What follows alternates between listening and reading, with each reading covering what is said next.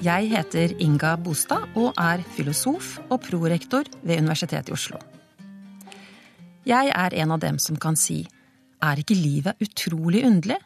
Er ikke det at vi lever og så skal dø, at mennesker fødes, at noen hopper i havet for å redde andre, og at noen sier unnskyld, er ikke det underlig, kan jeg si, og samtidig være på jobb? Å være filosof er grunnleggende annerledes enn å være mange andre ting. Og derfor handler også mye av filosofien om hva filosofien er, og hva den bør være. Det er et spørsmål som stadig krever nye svar, svar som kan berøre den tiden vi lever i. Jo da, filosofi er en akademisk disiplin, krevende og møysommelig å tilegne seg, krevende for både analytiske og samfunnsengasjerte mennesker. Men filosofien bør først og fremst handle om, og dette er min overbevisning, å vekke moralsk uro. Det kan gjøres på mange måter. Gjennom motargumenter, historisk og idehistorisk innsikt, gjennom kunst og kulturelle opplevelser, gjennom såkalte vaklere, som en god venninne av meg kaller det, Åse på Gran skole. Når elevene møter vaklere, så blir de et øyeblikk forvirret, mister noen sekunder fotfeste og blir utfordret. De vakler moralsk i forhold til hva de tror på og styrer sine liv etter, og er læreren heldig, ser elevene seg selv utenfra, eller ser sin egen rolle i verden på en ny måte.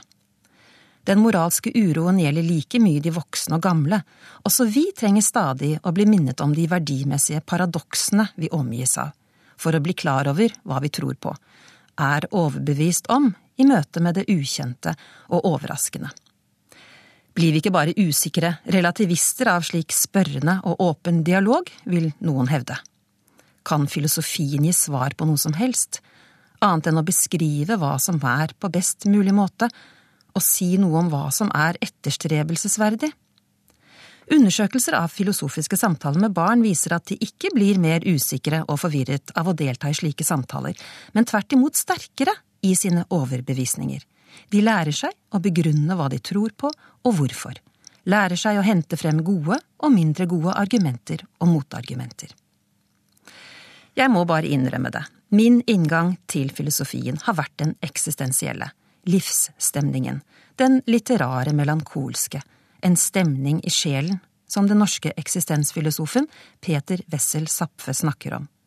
Denne stemningen er en av flere forutsetninger for å starte en filosofisk analyse og vekke de grunnleggende paradoksene som menneskelivet er fullt av. Forholdet mellom meg og verden. Følelsen av ensomhet. Her er så underlig. Slik Patsy Klein synger det. I'm crazy for feeling so blue. Da jeg vokste opp på 70-tallet, var verden gul og lilla. Moren min var nyfrelst interiørarkitekt og gikk ubeskjedent i gang med jenterommet signalgult bord i bølgeformat, surrealistiske Myrå-inspirerte gardiner i kraftfull lilla, saueskinn på gulvet og knagger, lister og speil i matchende signalfarger. Det var slengbukser med innsydde trekanter nederst, slik at buksene skulle dekket skotuppen. Helst tresko med høy hæl, skinnende overflate og messinghull. Det var jeansjakker med påsydde sølvstjerner, EF-kamp og lørdagsskole. Far sluttet jobben klokken halv fire, og ikke sjelden dro mor og jeg bort for å møte ham på trikken.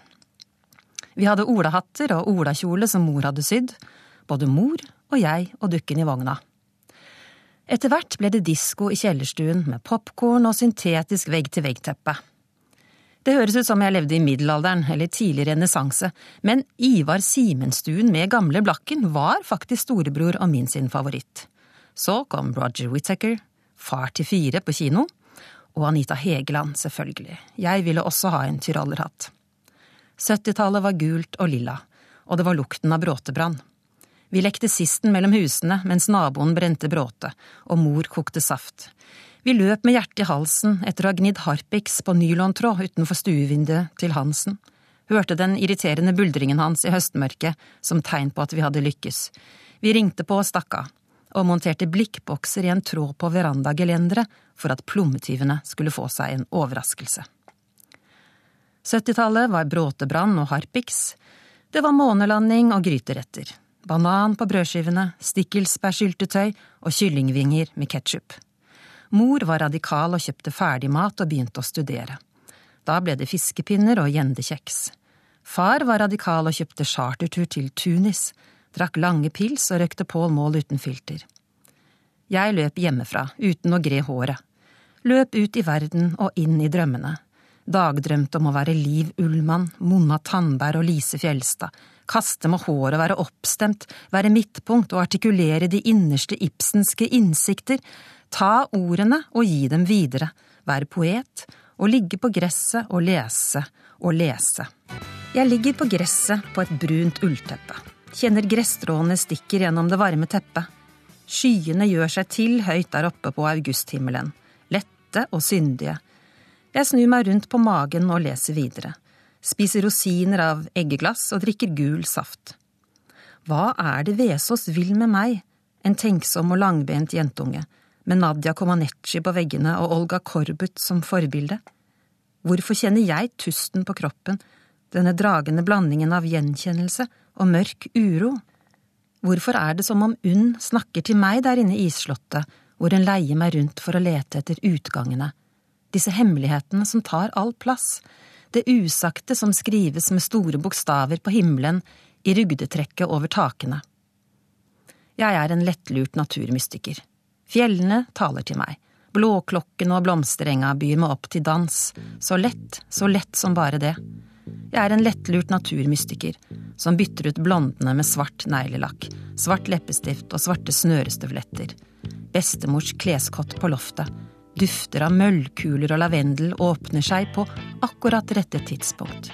Svarte blondebluser. Kan punkeromantikken finne et mer pregnant uttrykk? Blant fjellene blir jeg borte, og hjemme.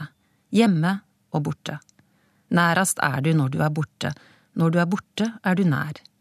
Jeg flytter til London og skal bli skuespiller, lengter til fjellene, til Elvesuset og de smale kutråkkene, oppover og innover. Jeg går på flyet på Fornebu, med stor, svart hatt, savner allerede kjæresten, hendene hans, varmen. Men det blir vår igjen, og jeg begynner å lure på om verden er gått av hengslene, er det noen som har moralsk mot til å lede? Og finnes det egentlig en moralsk verdensorden? Vi inviterer til poesifestival på Høvikodden. Siden i Nordrakhaven. Jeg spiser vegetarmat med Allen Ginsberg, drar på fest med Inger Christensen og ser Karin Moe svare. Hun har mot til å ta kulturdebatten, maler seg med rød leppestift og tar Ellen fra Lars Roar Langslett. Jeg spiller shakespearsk stuntteater, med Andy Warhol-inspirerte kulisser, er Julie med bestemors blonde nattkjole og papiljotter i håret. Vi dør sakte, både Romeo og jeg, faller til jorden og blir liggende til åttitallet nærmer seg slutten. Hvorfor denne moralske tyngden? Jeg spør meg selv om det er nødvendig, ønsker mer latter og galskap, kjøper strømgitar og begynner å synge, og det er fjellene som kommer tilbake, bygdene, jorda, hestemøkk og hillbillymusikk. Er hestetjuvmusikken opprørsk? Jo da, countryrocken stred imot kutyme på Blindern og i eteren, men musikkavisene tar ballen, og Oslo blir Austin, Texas. Det er slutten av åttitallet, og jeg roper jiha! Kveld etter kveld. Buck Ovens, Hank Williams, Emily Harris, Dolly Parton selvfølgelig, Los Lobos, The Fabulous Thunderbirds, Willie Nelson og Horse Without Bones. Jentene kommer, Nancy Griffith, Rosie Flores og Katie Lang.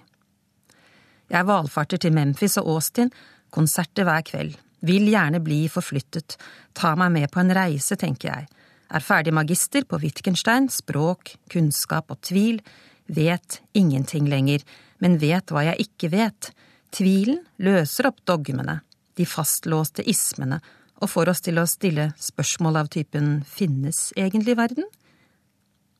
Wittgenstein viser oss hvordan vi handler med språket, og at vi tror at det er verden som fremtrer, den ytre verden, den egentlige verden der ute, men ordene er svarte mot hvit bakgrunn. Ord er ikke ting og heller ikke begreper. Gir det mening å spørre om folk har navn?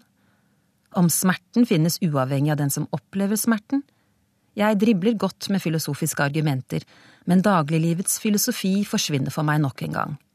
Det meningsløse har også en grense, har en mening som gjør det meningsløst.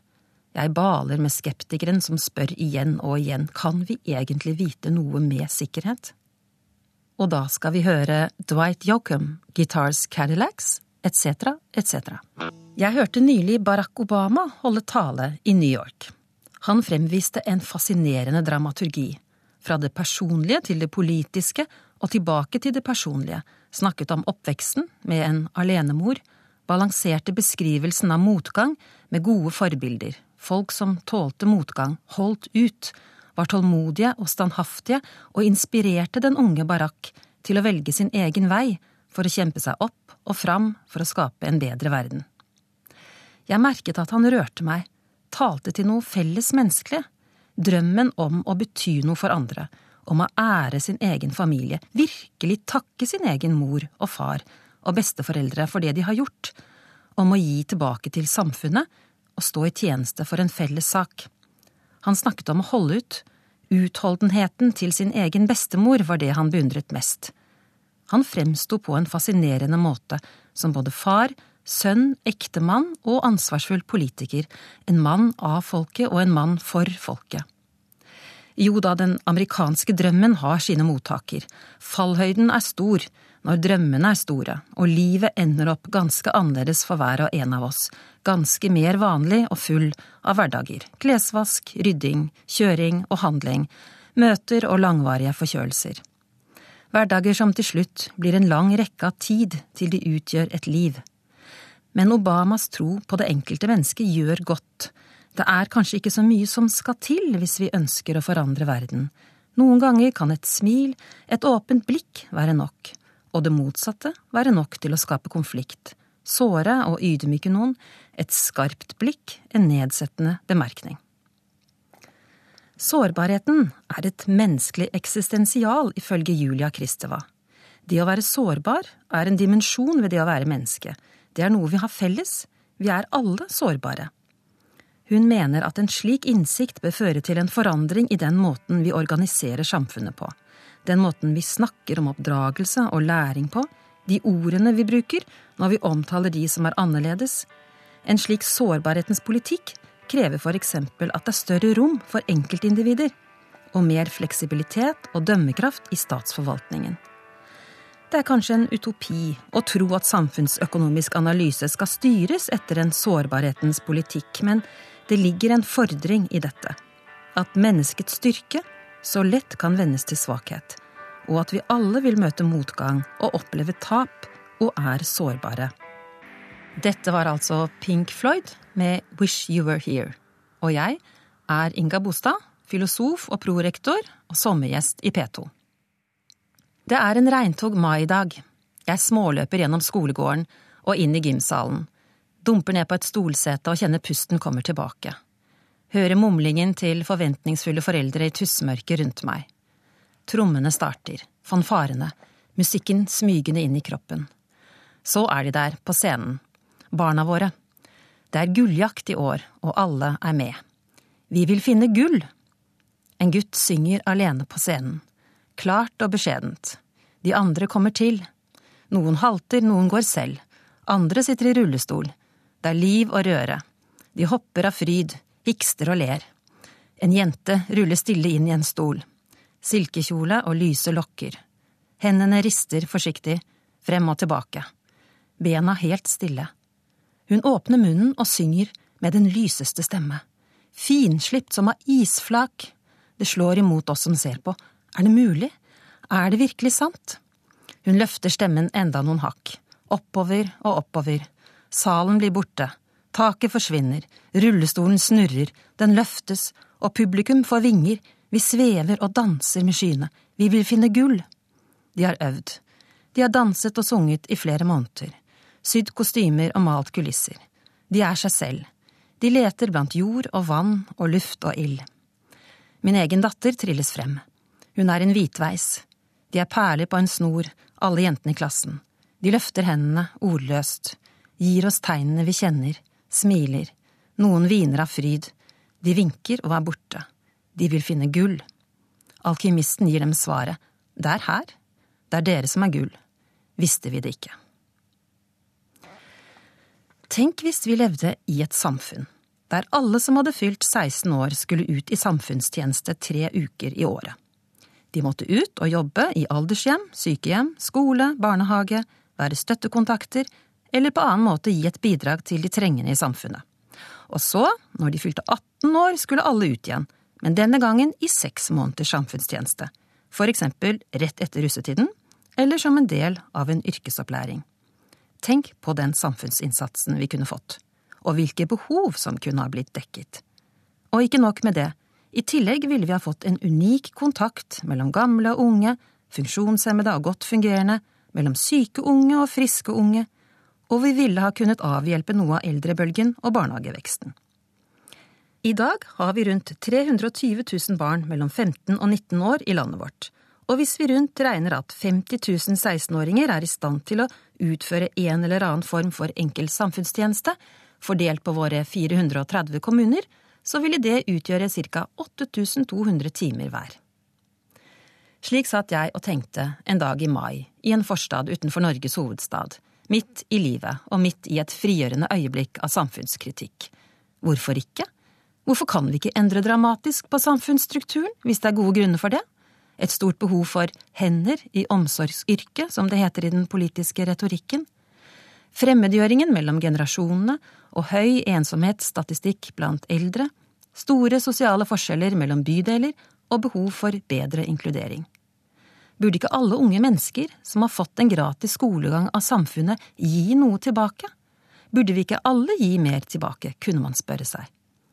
Et sentralt spørsmål blir da om dagens fellesskap, slik de arter seg i familien, i ulike nettverk og organisasjoner, i samfunnet mer generelt og i de statlige styringssystemer, ikke bare gjør det mulig å tenke samfunnsplikt på en slik måte, men oppfordrer til det. Jeg skal ikke fullføre resonnementet om en slik samfunnsendring. Blandingen av utopi, naivitet og gjennomførbarhetsutfordringer skinner igjennom. Det ville innebære en dramatisk innskrenkning av den enkeltes frihet. Å bli beordret ut i samfunnstjeneste er ett motargument, selv om også skolen er ufri og læreplanene, formålet med opplæringen med mer. Og krever ikke alt dette mye administrasjon og kostbare kontroller og vil oppmuntre til skulking og unnasluntreri? Og ikke minst, vil ikke denne type ufaglært arbeid kreve enda mer opplæring og således ta ressurser vekk fra de fagutdannede? Men tankeeksperimentet er uttrykk for noe mer. Et grunnleggende savn av plikter overfor fellesskapet. Vi har jo mer enn nok av dugnader og loppemarked og innsamlingsaksjoner, vil mange hevde. Vi trenger først og fremst realister og innovatører og spesialister for å løse de globale utfordringene verden står overfor, og skape de ressurser som fremtidens samfunn trenger, ikke mer snillisme, stønader og tilrettelegging. Men er dette et enten–eller? Ville det ikke være bra å ha vært ute på en sengepost for kreftsyke barn før man begynte å studere? eller følge et gammelt menneske til frisøren, lære det Facebook og elektronisk databehandling, før man dro til USA for å stå på ski et år. Tilbake til savnet. Hvordan innramme den samfunnsmelankolien som er så påtrengende? Jeg har da også bakt kaker til musikkorpset, lempet lopper og samlet inn penger til Somalia, betalt det månedlig bidraget til Amnesty og kjøpt er lik Oslo så ofte jeg kan. Hvorfor dette evinnelige moralske naget etter å støtte og hjelpe og trøste? Er det de norske naturmytologier som Nina Witocek refererer til, som har predeterminert meg til utidig å fremme et mor godhjerta samfunn, etter norske egalitære prinsipper, og hindre samfunnet i å odle de beste? Ville det ikke bidra til mer samfunnsnytte og global utjevning hvis enerne ble dyrket enda mer, og fikk sprenge glasstaket til det beste for resten? Min oppfatning er at de med mest ressurser stort sett har klart seg ganske bra. De beste, derimot, de finnes i alle leire, og de burde vi bli enda bedre til å få øye på, finne ut hva er gode til, og gi dem passende høye utfordringer. Det er de som ikke slipper så lett til, jeg har vært mest opptatt av. De som snakker litt lavere enn andre, som snakker med hendene og ikke med munnen, som er urolige for å komme hjem til en sint far, som ikke har mat nok.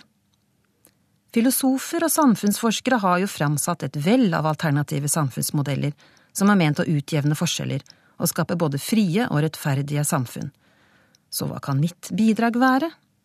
Litt avlæring, kanskje? Jeg sitter på pauserommet i niende etasje på Filosofisk institutt. Det er brødsmuler på bordet, gamle halvtomme kaffekopper, sigarettsneiper, telys, folk kommer og går, noen halsover på sofaen, kjøleskapet åpnes og lukkes, høylytt småkrangling fra to eldre studenter, det er vel strengt tatt ingen yngre studenter, poseringen skinner tidvis igjennom, argumentene files for å nå de tilstedeværende tilhørerne, noen blander seg inn, er ironiske og tar et radikalt standpunkt. Guttene dominerer.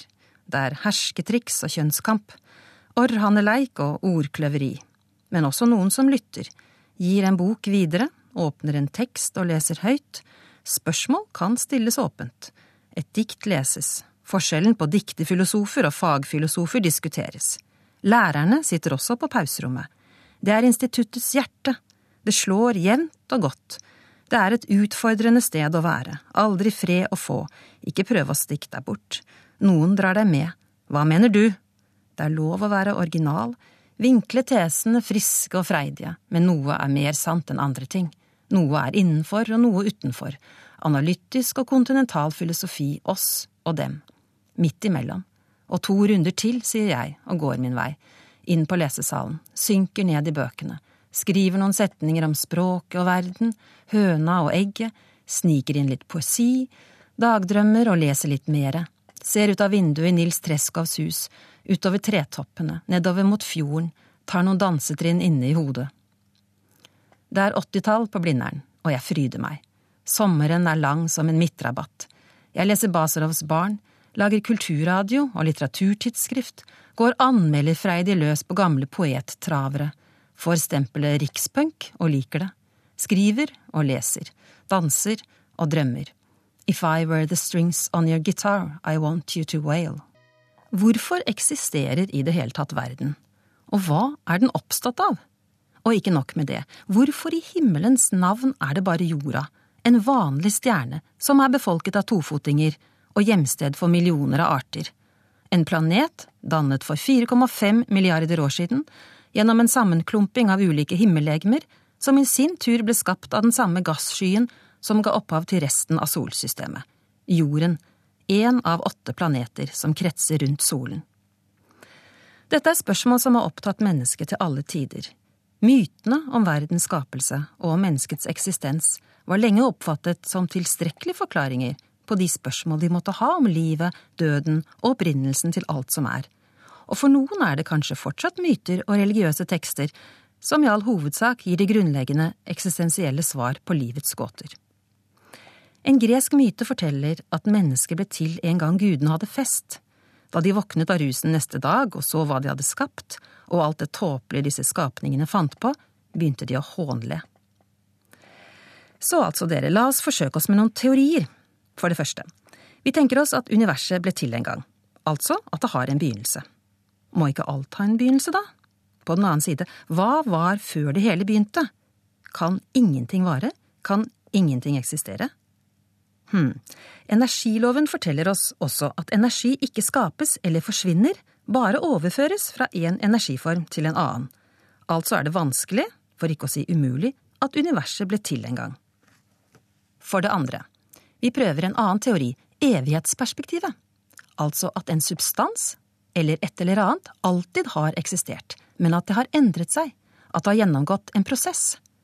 Hm, men vi vet jo også at det finnes ulike typer energi, stillingsenergi som krever noe annet, eller bevegelsesenergi som kan sette dette første i bevegelse, og da blir det også problematisk. Men nå har jeg det. Teori tre.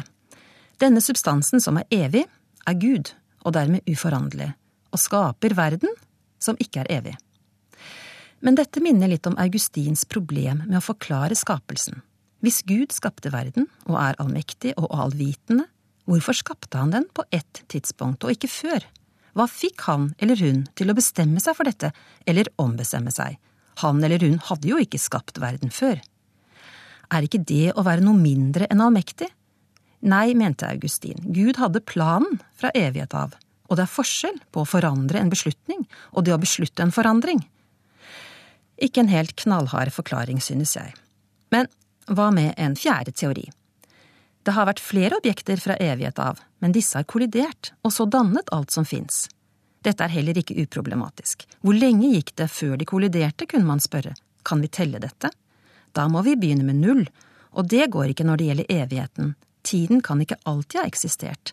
Den må jo knyttes til telling og tall, og det må være en begynnelse, må det ikke?